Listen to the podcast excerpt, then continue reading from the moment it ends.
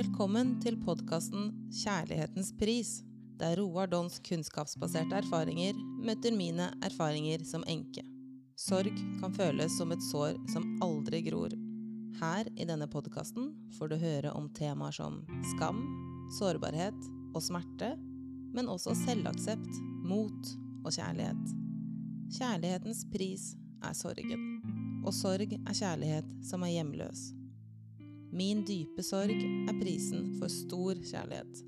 Derfor er det viktig å konfrontere sorgen, stå ved den og akseptere de voldsomme følelsene. Helst med en trygg følgesvenn.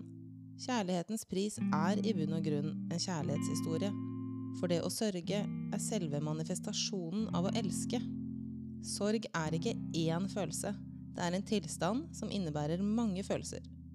Trenger du noen å snakke med etter episoden, finner du oss på Instagram under navnet Kjærlighetens pris.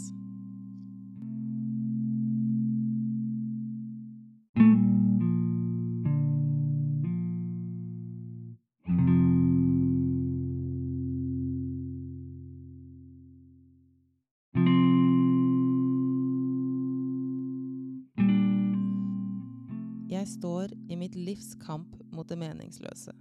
Jeg har grusomt stygge flashbacks. Hele kroppen vrenger seg. Tarmene slår knuter. Kroppen blir handlingslammet. Jeg er tilbake i stua. Den unge politimannen står der med blodsprengte øyne. Han har åpenbart grått, og jeg kjenner jeg ikke vil vite hvorfor. Så forteller han det verste av det aller verste. Kroppen min går i en eneste stor krampe og lungene tømmer seg fullstendig for oksygen av skriket mitt. Fingrene står i spenn som om jeg har et anfall. Vid åpen munn. Et smerteskrik, et smertehelvete, et smertehyl. Jeg suges rett tilbake i situasjonen, som om det er et vakuum i tiden. Jeg blir så lammet at jeg sikler når det skjer, men det merker jeg ikke at jeg har gjort før det er over. Jeg skulle ønske jeg aldri ble født.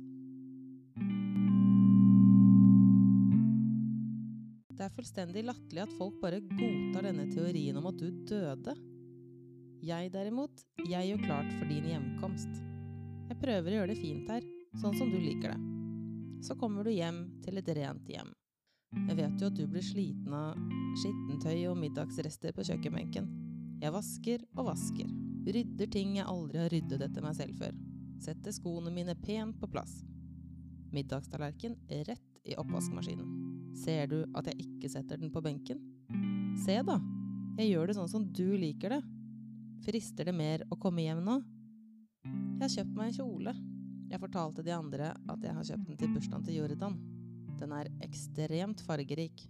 Mer enn jeg føler meg komfortabel i. Jeg kler meg i sort hver eneste dag. Denne fargerike eksplosjonen av en kjole henger klart på rommet mitt. Jeg skal ta den på meg når jeg ser deg runde gatehjørnet. Da rekker jeg å løpe på soverommet vårt, rive klærne over hodet og dra på meg kjolen med de glade fargene. Så skal jeg aldri kle meg i sort igjen. Ikke sant det, Thomas? Vi skal leve livet sammen i farger og høylytt glede.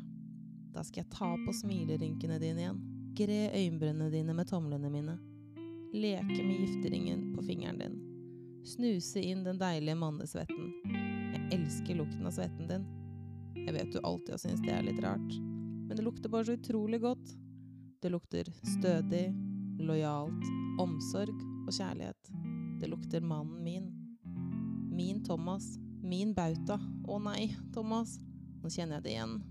Sorgen. Den rivende sorgen som sniker seg på. Du kommer jo ikke hjem igjen. Hvordan kunne hjernen min lure meg igjen? Å nei, Thomas. Jeg klarer ikke en runde til. Nå hadde vi det fint, Thomas. Tenk så flaut hvis noen hadde sett oss. Du som er død, og så meg, da, med airpods i ørene, låste dodøra, så danset vi sammen på badet, sånn skikkelig danse.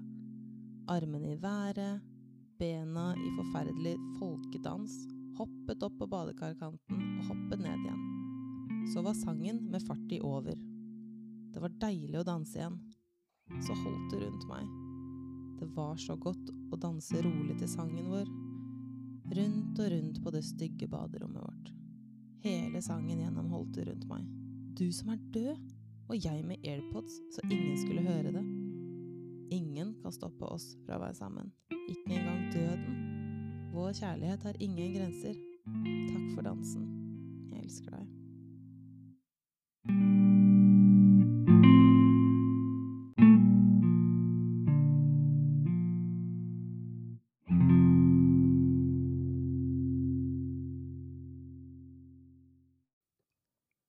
har ikke skjedd. Det er ikke sant. Det har ikke skjedd, det er ikke sant. Så vondt er det å være etterlatt av selvmord, at hjernen og kroppen kan bruke flere år på å ta smerten til seg. Sorgen etter mannen min, flotte Thomas, går aldri over. Kjærligheten kan ingen ta fra meg, men jeg lærer meg skritt for skritt å tilpasse meg det nye livet som også innebærer sorg. Og denne traumatiske opplevelsen. Før denne episoden har jeg tenkt over hvordan har traumene påvirket meg? Alt tolkes i lys av er det farlig? Jeg er hypersensitiv, og jeg føler meg som en soldat i krig. Stresshormonene herjer i kroppen min. Den minste uforutsigbarhet kan sette meg ut av spill. Jeg er fryktstyrt. Jeg er som regel utenfor toleransevinduet, og det handler om å overleve. Hjelp meg, Roar. ja. Jo, men jeg tror nok at mange trenger litt hjelp når man er der. Mm. For man er, jeg husker jo når vi møttes, så beskrev du det hele hele var det som Kanskje beskrev det, men du kjente igjen deg med å være sementert. Yes. Du står fast. Men det du beskriver nå fra dagboka di, Mhm. der skjer det jo ganske mye interessante ting. Ja. Sant? Der man nesten er psykotisk. Ja. Sant? Og du er på en måte i en slags limbo mellom virkelighet og fantasi. Mm. Og det tror jeg nok er, er noe som mange vil kunne kjenne seg igjen i. Ja. Jeg tror vi skal kanskje starte med å forklare litt om hvordan hjernen jobber. ja, takk. Som, gjør, som, som forklarer da hvorfor vi eh, opplever det vi opplever. ja. Og at igjen konklusjonen er at du har det som du har det, for at det er noe inni deg som er i orden. Mm. Og det er nervesystemet ditt. For det gjør nå en, en jobb. Nå blir det satt på en, en eh, jævlig prøve. Ja. Dette er katastrofalt. Og det betyr at uh, det ene er det som skjer. Du sier det, det kan ikke ha skjedd. Mm. Og det er også noe av det som er vanlig med tap ja. og død, at folk kjenner på at det er ikke sant. Ja, for jeg pendlet mellom at, at jeg sto i virkeligheten, at han var død, eh, men det var for vondt. Mm. Og så viser jeg jo i dagboken at da skapte jeg en virkelighet hvor det ikke er sant. Ja, ikke sant. Og, og så er det noe med at nå har vi ikke lenger helt fullt og helt i hvert fall tenkehjernen med oss. Mm. For når vi blir satt i en situasjon som er veldig, veldig farlig, så er vi instinktivt satt opp til å handle raskt. Ja. Da stenger deler av tenkehjernen ned, for tenking hemmer oss. Mm. Det sinker reaksjonsmønsteret vårt. Og meninga nå er at vi går på kaller programvaren, på instinktive ting. Ja. Og uten tenkehjernen og i eh, vill panikk, og så har du det forferdelig. Mm. Og så får du et flik av en tanke om at han er ikke død. Mm. En pause? Da får du en pause, ja. Mm. Og da, der og da kjennes det ganske mye bedre. Ja. Og i og med at man nå er i en slags tåketilstand, så er det vanskelig å skille mellom eh, virkelighet og fantasi. Noe av det man kan tenke seg, er jo at hverdagen på ett nivå går slik at uh, man går på jobb, Mm. man er fra hverandre. Mhm. Tilsynelatende så er hverdagen akkurat sånn som man var. Ja, det er sant. Og da kan du få kontakt med, med at det blir mer fredfylt, og hvis du da går inn Mm. på badet og danser, så har du mista deg sjøl inn i en hallusinasjon. Mm. Og den er god. Den er Den er veldig god. kjempegod. Mm. For alternativet ditt er å være et sted der du nesten eh, ønsker å gjøre det slutt sjøl. Mm. Og da sier det seg sjøl at uh, her er det godt å være, her vil jeg være mer. Men dette er ikke noen ting du styrer bevisst. Mm. Jeg tror nok at eh, du er såpass i kaos, egentlig, Mm. at nå blir du kasta litt frem og tilbake. Mm. Og sånn som du også så glimrende beskriver den her med oppdagelsen plutselig Nei, han er borte. Mm. Sånn så blir man kastenes frem og tilbake. Yes. Og i denne situasjonen var jo huset fullt av folk som så nydelig stilte opp for oss. Men det var vanskelig å lage en realitet hvor Thomas ikke var død. Mm. Når alle rundt meg gråter og snakker om det, og at eh, i det hele tatt under pandemien er fullt av folk i stua mi. Ja, ikke sant. Så det å gjemme seg på badet og late som at jeg Eller skape en virkelighetsoppfattelse hvor Thomas er der og danser med meg, Mm. er jeg normal? Ja, du er helt normal.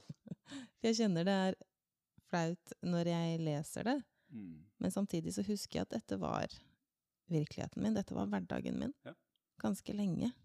Og det betyr at man er nok mentalt ganske ustabil, Ja. i en, i, spesielt i den første sjokkfasen. Mm. For da er ting også helt uvirkelig. Mm. Og som sagt så tenker jeg at den delen av, av hjernen vår som vi benytter for eh, kritisk tenking, mm. den er stort sett avslått nå. Mhm. Og nå er du i fullstendig i, eh, i følelsenes vold. Mhm.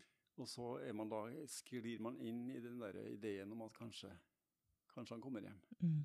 Og så har du da, man, man mister seg sjøl inn i eh, det som jeg kaller en, en slags hallusinose. Man, Mm. man er ikke lenger i virkeligheten, man, man, men man kan oppleve denne hallusinosen også som virkelig. Ja. Og dette er vanlig etter en, å opp, ha opplevd brått tap? Brå død? mange har nok eh, opplevelser i den eh, retningen der. Mhm. Og det kan også være bilulykke. Ja. Og jeg tenker all, all brå eh, traumatisk død mm. vil kunne vekke den type responser. Ja. Og da tenker jeg igjen, det er normalt. Ja. Det som er unormalt, er hvis man har det sånn lenge etterpå. Mm. At, eh, for det, det, det her er noe som kjennetegner den første fasen. Ja. Sant? Så hvis man fortsetter et års tid etterpå, så, så bør man jo definitivt søke hjelp. Men vil du si at det er viktig å søke hjelp eh, allerede i denne fasen, sjokkfasen? Jeg tror jo det er ideelt hvis man kan få eh, tilgang til det som vi gjerne kaller sorgstøtte. Mm. Sant? Og det, det som er litt av hensikten med kriseteam rundt omkring, er jo at man skal ivareta det kaller psykologisk førstehjelp. Ja. For også å finne ut hvordan folk har det, og gjerne bli fulgt opp litt. Så man, man på en måte sjekker opp at, det, at denne prosessen settes i gang. Ikke sant. Det tror jeg nok er viktig, og, det, og der tror jeg enda at vi har et stykke igjen å gå før vi har et Yes. robust eh, apparat som følger opp folk som mister i brådød. Mm. Du og jeg har jo snakka nå med veldig mange mennesker, mm. og, og mange rapporterer at det har vært lite tilgang på det. Veldig. Dessverre. Så det tenker jeg er, er vesentlig. Mm. Men det er ikke farlig om man da har denne type opplevelser. Nei. Og det må, må vi heller tenke på. Ja, dette er en del av traumereaksjonen. Ja. Av sjokket. Vi er i et sjokk der du er i tåkeheimen, og nå er du styrt av et nervesystem. Men dette med å lete etter den døde, selv om du er klar over at han eller hun er død, rope navnet, mm. det kan jeg fortsatt få behov for enda. Sjeldnere, heldigvis, men eh, spesielt i bilen. Hvis jeg sitter helt alene, det å bare kunne skrike navnet hans sånn Mm. skikkelig høyt. mm. Eh, Jeg forventer ikke noe svar lenger. Men det er liksom deilig å bare Jeg har fortsatt dette søkebehovet innimellom. Mm. Og den tror jeg nok eh, vil, vil være påslått eh, ganske lenge. Ja. Kanskje deler av det vil du ha med deg store deler av livet òg. Men det vil, altså poenget er at det blir mindre og mindre. Ja, Det har du jo også sjøl merka nå absolutt. i den prosessen din, at det blir mindre og mindre. Det blir det. Og det man sier, er jo at eh, den søkeperioden handler jo litt om at eh, du er ikke helt du, du er ikke helt forsona, du har ikke akseptert det fullt og helt. Nei. Og der, Derfor så har vi søkeatferd, og den vil vi ha så lenge vi ikke klarer å integrere sorgen. Okay. Så, så det er jo når sorgen er integrert, at vi sånn sett har kommet til en eh, aksept, og Mm. kan ta med oss den realiteten inn i hvordan vi skal leve livet videre. Mm. Og se alle konsekvensene det her har fått. Mm. Og det, det er derfor dette arbeidet er ganske stort og omfattende. Mm. Sorgarbeid. Dette er sorgarbeid, Mm. og det er, det er ikke for pyser. Nei. Og så må alle på en måte ta den, det arbeidet eh, i det tempoet ja. som passer en sjøl. Det her skal ikke pushes. Nei. Men grunnen til at vi tenker sorgarbeid, er at vi bør vende oss inn imot det. Mm. Altså oppsøke sorgen. Og det gjør vondt, Mm. Men det er måten å etter hvert få landa det hele. Mm. Uten det så vil du risikere å bli gående lenge. fordi at det å danse på badet er en løsning. Mm. En annen løsning er å lage seg mengdevis med strategier for å holde sorgen på avstand. Mm. Og da, kan, og da er det for så vidt alle former for misbruk vil kunne være en løsning da. Mm. Sant? For da er det noe som eh, Vi kan si at hvem kan få nok av noe som nesten virker. Mm. For som, når du dansa, så virka jo det nesten. Mm. Det var bare at virkeligheten tok deg igjen. Ja. Men da aner vi jo hvordan det her kan føre til en eller annen form for avhengighet. Mm. Sant? Og jo lenger vi da holder på sånt, jo vanskeligere vil det være å gå inn og gjøre det sorgarbeidet. Mhm. Og for noen så er det jo eh, utsatt. Sant? Det er for jævlig, det er for vanskelig, det er for farlig, og så Mm. ender man inn et sted hvor man overlever ved å finne seg nye strategier, og så smeller det kanskje to, tre, fire, fem år etterpå. Mhm. Plutselig så eh, lå man der. For nå snakker du ikke bare om rus eller alkohol. Det kan også være å jobbe masse. Yes. Og egentlig alt du gjør som tar deg vekk Ja. ifra det hele. Noen eh, blir å reise mye, ja.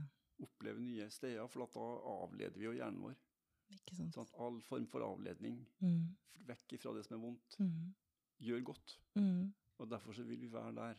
Det har også vært eh, etterlatte som har fortalt meg om behovet for eh, dating etterpå. Mm. At det blir en slags distraksjon, samtidig som du får dekket eh, behov man har som etterlatt. Ja. Er dette da en del av å være i sjokk eller å være traumatisert og skulle søke utover istedenfor å gå innover?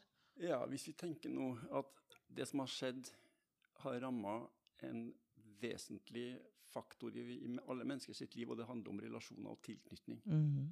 Tilknytning er det samme som trygghet. Ja. Det som har skjedd nå, nå har du mista all trygghet, verden er livsfarlig. Mm. Hva trenger vi da? Mm. Vi trenger noen som holder omkring oss. Mhm. Og Derfor så vil jo den søken være der. Og det betyr at man ironisk sett egentlig ikke er klar for et nytt forhold, Nei. men man er veldig klar for at noen skal ta vare på en, for at nå er man redd. Ja. Og Derfor så tror jeg nok det forklarer den, den søkinga der, da. Mm. Men vil du si at fysisk kontakt eller berøring, som i at noen holder deg i hånden, holder rundt deg, tar deg på skulderen, hjelper det nervesystemet når det er traumatisert? Ja, så fremt at eh, man har et godt forhold til berøring, Ja. så vil det være det. Ja. For da vil det ha en dempende effekt Ja. på aktivering. Fordi at det er et signal om trygghet. Det er et sant. signal om at noen er der for å ta Mm. vare på det. Og nå er det jo mange som hører på som kanskje mistet under pandemien, Mm. hvor eh, fra mitt eksempel eh, kondolansekøen er to meter unna deg, ingen tar på deg, Mm. Ingen gir deg en klem. Ja, åssen var det? Det var beintøft. Mm. Det var helt grusom, den, eh, den køen som var etter begravelsen. Ikke for hva de sa, men det at alle sto så langt unna. Jeg, Mhm. jeg var bokstavelig talt helt alene.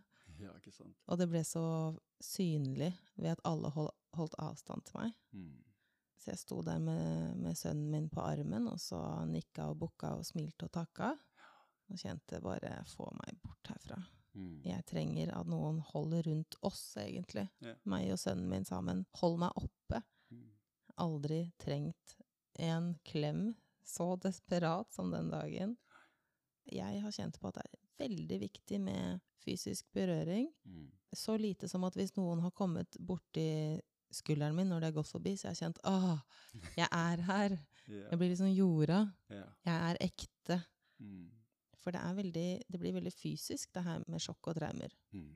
Hele kroppen spenner seg, det er vondt, jeg har ikke helt kontakt med alle kroppsdelene, for det er, åh, det er vanskelig å holde styr på alt. Mm. Og som vi snakket om, at jeg føler meg som en sånn soldat i krig Mm. hele tiden. Og da at noen kommer bort til deg, så åh, jeg er jo ikke det, jeg er jo egentlig her og lager middag, eller Mm. gjør noe egentlig veldig hverdagslig. Jeg er ikke i krig. Nei, og det, og det du er inne på der nå, er jo at eh, når vi opplever katastrofer, Mm.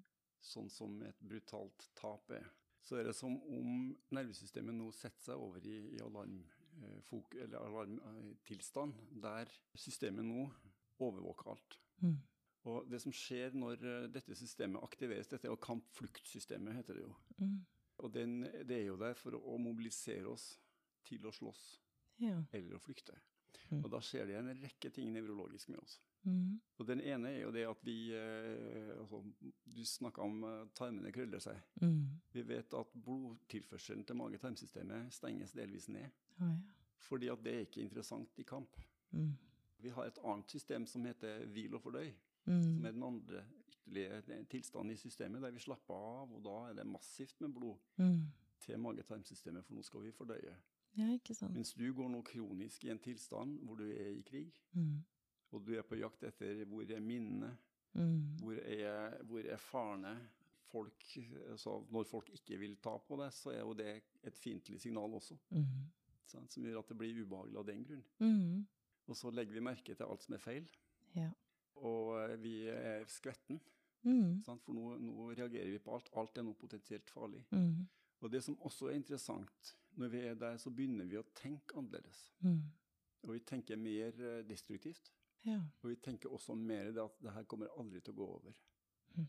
Sånn, Alt det her skjer fordi at vi overlever ved å legge merke til det som er gærent. Ja. Og eventuelt det vi sjøl gjør som er feil. Og så har vi den tolkninga nå at nå er jeg alene. og Derfor så er det så viktig at vi blir jorda. Mm. For når vi holder på alene og lar altså vi har også Til dette systemet så, så snakker vi gjennom at det er to kognitive system. Ok. Et automatisk system, et følelsesstyrt system, som vi stort sett går på størsteparten av dagen. Ok.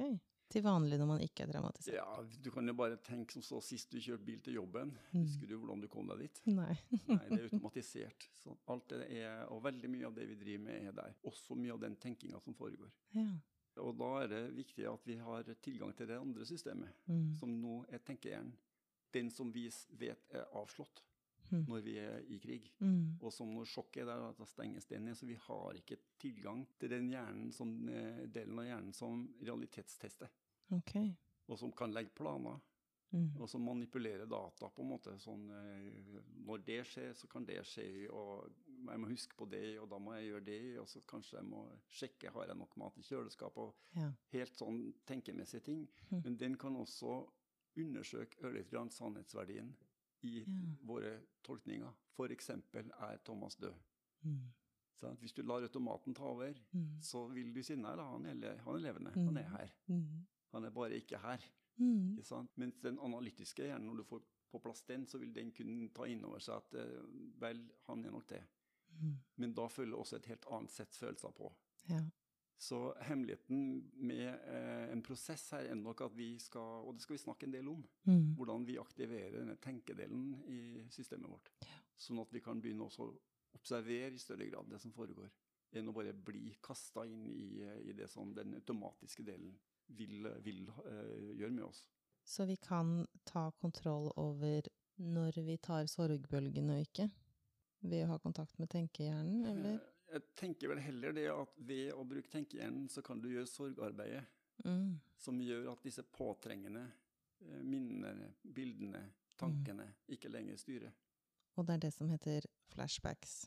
Blant annet flashbacks, som Mm. jo er hjernen som eh, på en måte Og det er derfor man kaller flashbacks og, og traumatiske minner er påtrengende. Mm. I den forstand at du velger dem ikke. Mm. Sant? Og Derfor så vil det også være sånn eh, at hvis vi prøver å gjemme unna vanskelige følelser, så vil vi av og til oppleve at de trigges. Det betyr at det skjer ting. Noen sier et eller annet, Mm. og så går alarmen igjen. Ja. Fordi at det som ligger levende inni oss, er- forblir levende. Mm. Og Det er derfor så viktig å gå inn og, og, og gjøre seg kjent med hva som er der. Sånn at man ikke blir uh, overmanna av, av disse triggerne som setter i gang. For da kan du, jeg regner med at du har hatt opplevelser der du plutselig bare ting blir kasta over deg. Absolutt, jeg Noen vet. har sagt et eller annet, gjort et eller annet, Mm. og så eksploderer det bare. Men som et eksempel, jeg vet at vi er mange som, eh, som har en eh, likhetstrigger, og det er eh, lyden av et helikopter. Mm.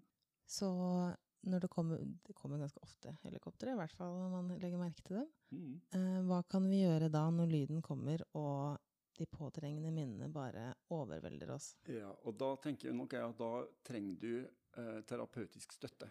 Mm. Da er du nok nødt til å få litt hjelp til hvordan du kan eh, For da, da heter det gjerne eksponeringsterapi. Men hvis eksponeringsterapi skal være virksomt, så må du også ha hjelp til det som heter responsprevensjon. Altså det betyr at vi må, vi må samtidig med eksponering så må vi være i stand til å slå av denne alarmen som Mm. automatisk settes i gang. Mm. Og få hjelp til å oppsøke og oppsøke og oppsøke. Slå av, så blir etter hvert systemet vant til at det ikke er farlig lenger. Så i dette eksempelet skal man da eh, eksponeres for lyden av et helikopter Ja, sammen med en terapeut. Og så må det jo selvsagt være at man da bearbeider det som, er, eh, som henger sammen med dette helikopteret. Mm. For der òg kan det jo ligge materiale som er ubearbeida, som man kanskje har eh, bare skyvd bort. Mm. fordi det ble for vondt. Mm. Og så lager man eh, strategier for å unnslippe, Mm. men så kommer det et helikopter. Ja. Og der starter det igjen. Og Derfor så tenker nok jeg at, eh, at hvis du er der, så er det lurt å oppsøke noen som kan traumearbeid. Ja. Traumebearbeiding og traumeterapi. Det er godt å høre at uh, dette er noe vi kan gjøre noe med, for jeg vet at jeg snakker med mange etterlatte. Og uh, dette kan være ganske forstyrrende og flaut ute i samfunnet. Ja. På jobb, eller med venner, eller bare på matbutikken. Ja. Eh, jeg har jo selv erfart eh, å være på matbutikken og få et flashback hvor, hvor jeg eh, Det er veldig hverdagslig. Jeg skal bare handle inn raskt til middag. Mm. Og plutselig så forstår jeg at jeg handler øl til Thomas, Mm. og at han er død. Mm. Det er et eller annet med den ølflaska, jeg vet ikke hva det var, som gjorde at jeg ble kasta tilbake til at jeg får dødsbeskjeden. Og da, blant så masse folk på en lørdag, på Meny, kjenner jeg at hele kroppen vrenger seg. Ja. Så jeg setter fra meg handlekurven og løper ut mens tårene renner. Mm. Og det oppleves som at alle kan se hva som skjer på innsiden. ja. Mm.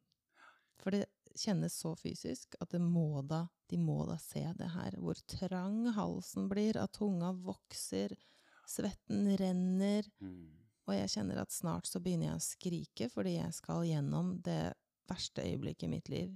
Igjen og igjen og igjen. Mm. Så at det er noe vi kan gjøre, og som jeg har erfart selv at faktisk hjelper. Mm. Jeg kan helt fint høre lyden av et helikopter nå. Mm. Jeg kan kjenne noen ganger at oi, det starter et ubehag i kroppen, men så har jeg lært meg teknikker til å dempe det, roe det, og se at dette er jo ikke farlig. Det som var vondt med helikopterlyd, det er i fortiden. Mm. Det er ikke noe jeg opplever nå. Mm. Det er jo det vi gjør når vi eh, jobber med den type eksponering. Det er som om vi lærer kroppen forskjell Mm. på historie og nåtid. Mm. Sånn at vi eh, ikke blander inn historien vår i det vi opplever i nåtid. For Mm. det som skjer når eh, du hører- den helikopterlyden, så husker kroppen Mm. hva, som, hva den er kobla til. Så starter jo helvete. Mm. Og vi har jo sammen jobba Mm. med å ta deg tilbake igjen. Og det var ganske så heftig. Veldig. Men vi jobba systematisk med å slå av alarmen, og gradvis så begynner, begynner kroppen å innse Mm. OK, det er historie. Mm. Eh, og det som skjer da, er jo at det går fra å være bare skarpt og vondt og jævlig, Mm. til å bli mer mykt. Mm. Og, og det blir mer og mer sorg ut av det. Mm. Og ikke lenger så mye eh, traumer som du skal flykte ifra. Ja, for vi har jo kalt dette for ren sorg. Ja. Og sorg uten øh, den aktiverte delen Mm. er jo noe helt annet. Det er mer kjærlighet, savn, Mm. gode minner. Mm. Ikke gjenopplevelse av selve døden. Nei. Du sa så fint en gang at han, han ble liksom ikke ferdig med å dø. Han døde og døde og døde og døde. Og det er jo ekstremt utmattende å gjenoppleve at han dør flere ganger om dagen hver dag. Ja. Så det å sammen med, med deg eller en terapeut få hjelp til at de blir ferdig med å dø, Mm. da tar sorgen en helt annen form. Den er så ren Mm. og fortsatt ekstremt vond, men på en helt annen måte. Mm. Med kjærlighet og takknemlighet og savn, Mm. Uten at nervesystemet skal ta over. Og egentlig blokkere nesten tilgangen til sorgen. Ja, men den gjør det. Mm. Gjør det. Du, du får ikke tilgang til sorg når det, når det er traumer som står i veien. Og, derfor så er det, eh, og det er nok vanlig i, eh, når man tenker komplisert sorg, så er det veldig ofte fordi at det er innslag av traumer der. Mm. Og da må vi ta dem først. Ja. Sånn, Det betyr at vi må bli ferdig med den første katastrofeperioden, Mm. Sånn at vi kom, kan komme oss til neste nivå, neste Mm. skritt, som vil være å begynne å jobbe med å integrere det hele. Mm. Og vi òg jobba jo litt med det med at eh, det er ikke altså Når døden kommer så brått på, så kan det være at i terapeutisk sammenheng så kan vi være enige om at men skal vi la den leve litt til? Mm. Fordi at det er noe med at da blir det lettere også å bearbeide. Sånn, så kan vi ta eh, at, at, Men nå gjør vi det helt styrt. Mhm. Da du sa det, husker jeg at det var så godt, for jeg følte jeg fikk litt mer eh, tid med han. Mm. Men det jeg egentlig fikk, var rom for å ta farvel Ja. på en god måte. Mm. Uten helikopterlyder eller politimenn. Mm. Bare meg og han i vårt ekteskap. Mhm. Ja, et godt farvel, og det tror jeg er skikkelig viktig. Mm, Spesielt når det gjelder da selvmord, Mm. hvor det kan være mange spørsmål. Hva skjedde? Skyldfølelse. Mm. Den sekken der er full av så masse annet enn dette farvelet. Så det å få hjelp til å sortere, bearbeide traumene, og så rolig og fredelig takke for alt Mm. og ta farvel, det er en gave jeg unner alle etterlatte. Mm. Men videre i livet etter behandling og når sånn som for eksempel for meg helikopterlyd ikke er like triggende lenger, eller at jeg kan ta kontroll over det når det kommer, er det vanlig at dette varer livet ut, eller er dette i starten av sorgarbeidet? Tenker du på eh, den type trigger, Mm. triggere? Det tror jeg er, er, er veldig forskjellig, men jeg tror jo mer man går inn og gjør et arbeid med det, Mm. Jo mer vil det slippe. Mm. Så i det øyeblikket vi har lært kroppen forskjellen, og vi har kommet til, altså vi har klart den jobben som heter å gjøre den fremmede sorgen om til noe som er integrert. Mm. Det, ja, det er blitt en del av et liv Mm. som uh, man aksepterer. Mm. Da tror jeg veldig mye roer seg ned. Og så handler det selvsagt også om at når vi får tatt eh, Altså når vi får fjerna en del av disse triggerne, eller det som, det som er bakafor her, så er det som om nervesystemet roer seg ned. Mm. Vi er ikke lenger i krig. Sant? Vi kan eh, slappe mer av, og da tåler vi mer. Også Mm. bare av den grunn. Mm. Sånn, vi har jo det ordet eh, toleransevindu, Mm. som er eh, et, det er en, eh, en, en teori som sier noen ting om når er vi innafor, altså, eller når vi er innafor eller utafor. I hvor stor grad har vi kontakt med tenkehjernen. Mm. Sant? Og jo større vinduet, jo mer tåler vi. Ja. Sant? Når du blir utsatt for en katastrofe, Mm. så krymper dette vinduet. Det skal mye mindre til. Mm. Og det har du sikkert merka nå i den første fasen, at du, mm. når vi er på oppsida av det vinduet, så blir vi sint og redd. Mm. Og på nedsida så blir vi inaktiv og depressiv. Mm. Sant? Så pendler vi på en måte mellom disse tilstandene. Mm. Og det er jo også noe som folk kjenner igjen i starten, at man er fryktelig ustabil. Mm. Du har alle, alle de vanskelige følelsene Mm. kommer som en sånn uh, snøskred. Mm. Altså, jeg kjente ikke igjen meg selv. Jeg følte jeg hadde byttet personlighet. Jeg kunne bli sint og redd for ting jeg aldri har lagt merke til før. Nei. Men for, eh, for oss etterlatte så tror jeg det er veldig mange som lærer om toleransevinduet, og det gjorde jeg også i, i godt over et år Mm. før jeg møtte deg, og jeg lærte at sånn er det nå, nå er det smalt, Mm. Fordi du har opplevd dette, og det ble tegnet opp og vist eh, hvor lite som skulle til før jeg er utenfor mitt toleransevindu. Mm. Det ingen sa før jeg møtte deg, var at det er ikke denne størrelsen resten av livet. Jeg forsto det som at nå er det så smalt, Mm. og skjer det noe mer, så blir det kanskje enda smalere. Og til slutt så er jeg da en bitter enke. ikke sant? Men så lærte jeg deg at det kan jo utvides igjen. Ja.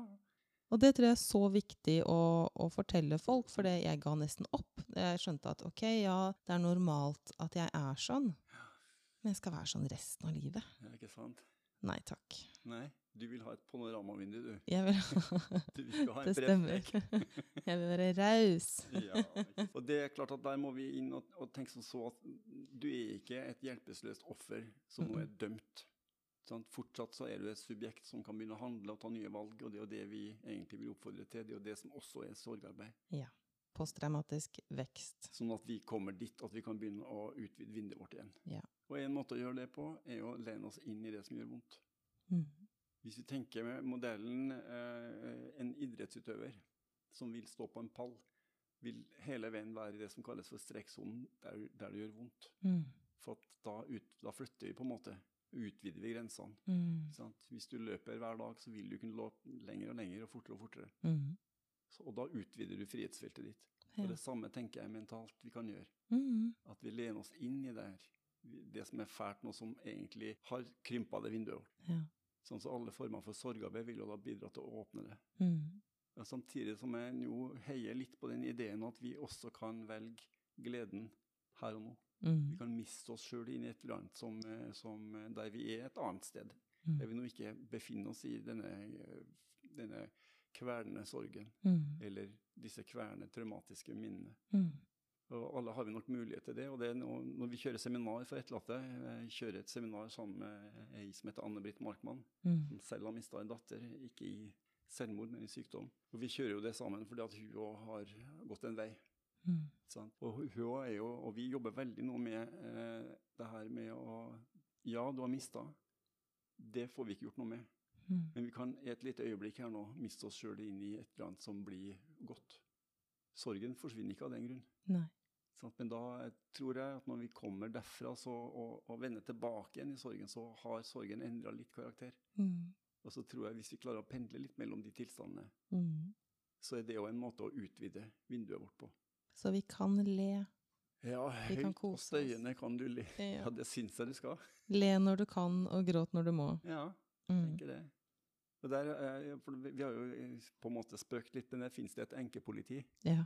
som følger med og det på. gjør det. Ja, det er ikke sant? Svaret er ja. Ja, ikke sant? Men de er ikke på en måte offentlig utnevnt, og Nei. det løper ingen sånn straff på det sånn sett. Nei. Men vi, det løper den straffen at noen kan eh, på en måte dømme det. Mm. Sånn det og det er en risiko, ja. Mm. Og så tror jeg fortsatt at uh, da må man uh, heller henge med de folka som uh, heier på deg, Ja. og som lar deg få lov til å både le og gråte, Mm. ta et glass vin, Mm. gå ut og ha det litt gøy. Ja. Det betyr ikke at du ikke sørger. Nei. Og det er jo det som skjer, også en annen ting som når vi, når vi snakker om hva kan være lurt å gjøre. Jeg tror det er lurt å oppsøke andre som har mista. Mm.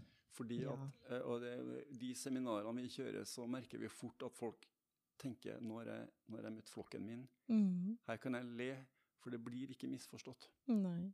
Og det er vesentlig. Det er en trygghet her. Her kan du uh, ligge i fosterstilling og gråte, helt i orden, Mm. og du kan le støyende, helt i orden. Ja. Her får du lov til å være deg sjøl. Og det tror jeg nettopp, for du har snakka litt om det her med ensomhet. Mm. Det må at du kjenner at ingen skjønner det her, og, Mm. og du tør heller ikke helt å vise frem Nei. ulike sider. Det gjør du der. Absolutt. Og der har vi også en Facebook-side som heter eh, Etterlatte partnere, Mm. hvor vi har bygd opp et nettverk eh, som er så verdifullt. Men jeg har eh, et spørsmål til deg angående dette, for jeg, på vegne av oss etterlatte, så er det mange som isolerer seg Mm. eh, nettopp på grunn av at vi er aktiverte, vi er redde, vi er fryktstyrte. Mm.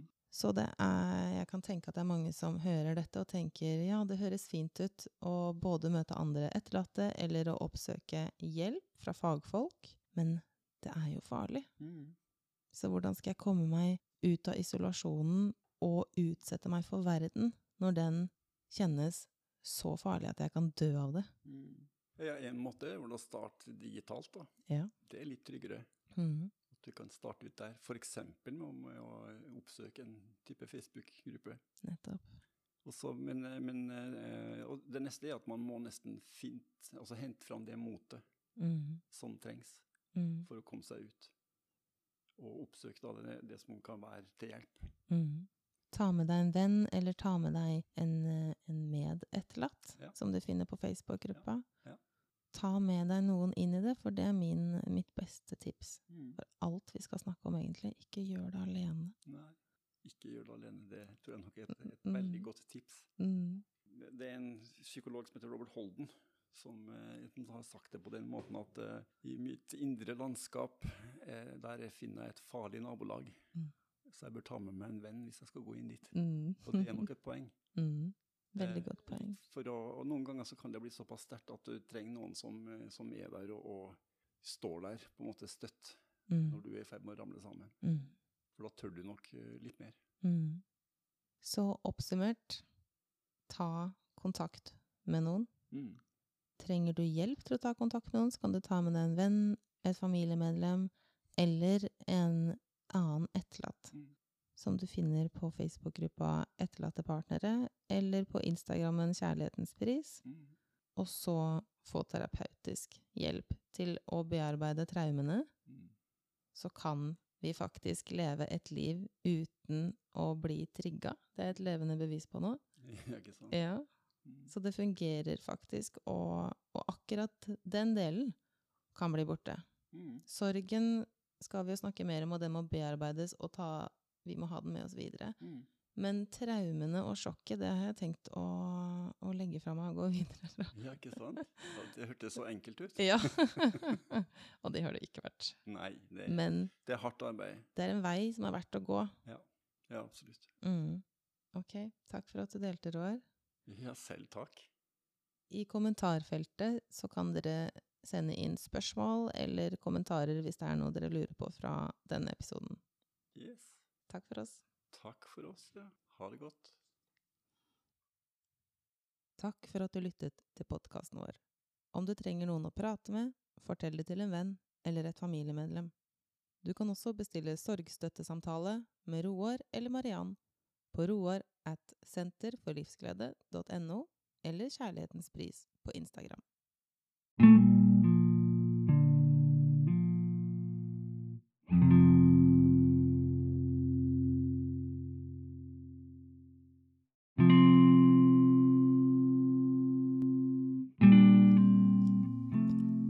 Takk for at du lyttet til podkasten vår.